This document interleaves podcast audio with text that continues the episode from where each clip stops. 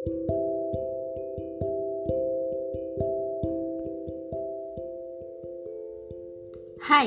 kenalin, gue Yusinta, mahasiswa baru Institut Teknologi Sumatera, Prodi Sains Aktuaria.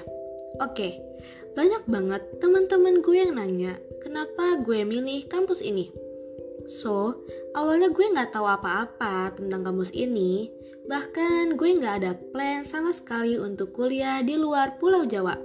Tapi, setelah gue cari tahu tentang kampus ini, hmm, boleh juga nih kampus bakal punya prospek yang bagus ke depannya.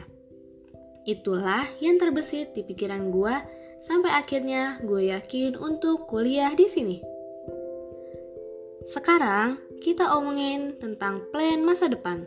Gue yakin kok semua orang pasti punya plan masa depan mereka masing-masing. Plan masa depan gue ada dua, dalam jangka pendek dan jangka panjang. Jangka pendeknya mungkin sampai 3 tahun ke depan. Gue pengen jadi orang yang lebih produktif, punya IPK yang bagus dan cukup untuk gue. Lebih percaya diri, dan punya semangat tinggi.